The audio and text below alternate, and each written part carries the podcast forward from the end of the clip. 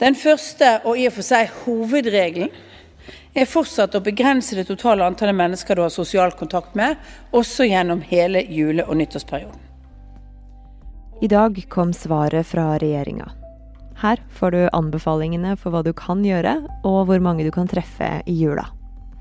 Du hører på Korona kort forklart onsdag ettermiddag 2. desember.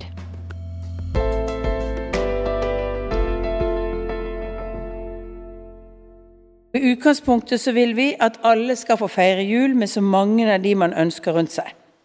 Og det fortjener vi jo, ikke minst i år.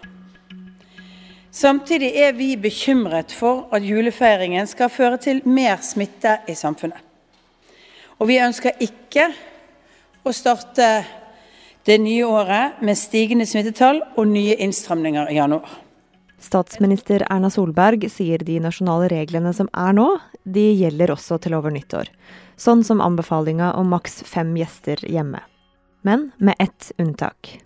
På to av dagene åpner vi for inntil ti gjester.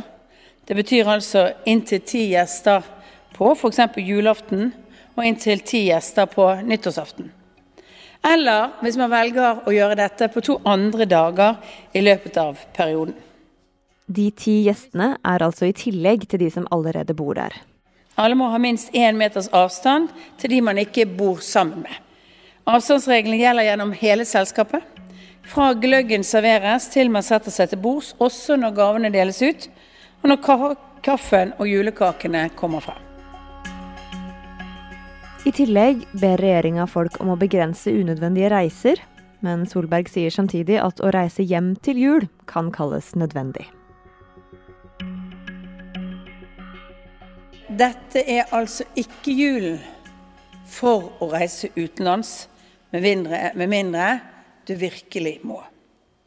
Og hvis du nå skal reise utenlands eller få gjester fra utlandet, så er det ingen unntak fra karanteneplikta.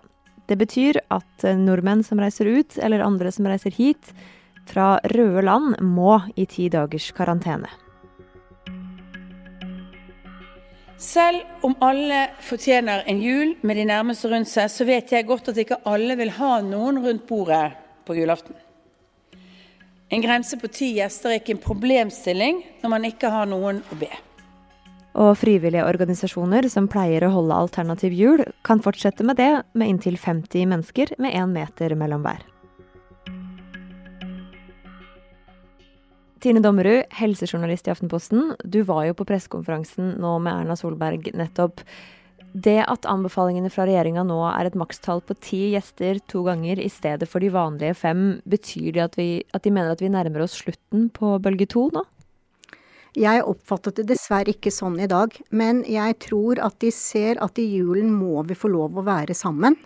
Og derfor så valgte de en kontrollert økning, og det er jo snakk om at man kan være ha ti gjester to ganger i løpet av julen. Kanskje julaften og nyttårsaften, eller julaften og annen dag.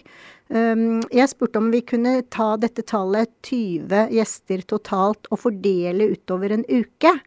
Eller i hele juleuken. Og da svarte helseminister Bent Høie veldig klart at tiden er ikke inne for å finne smutthull nå. Uh, eller å være veldig kreativ.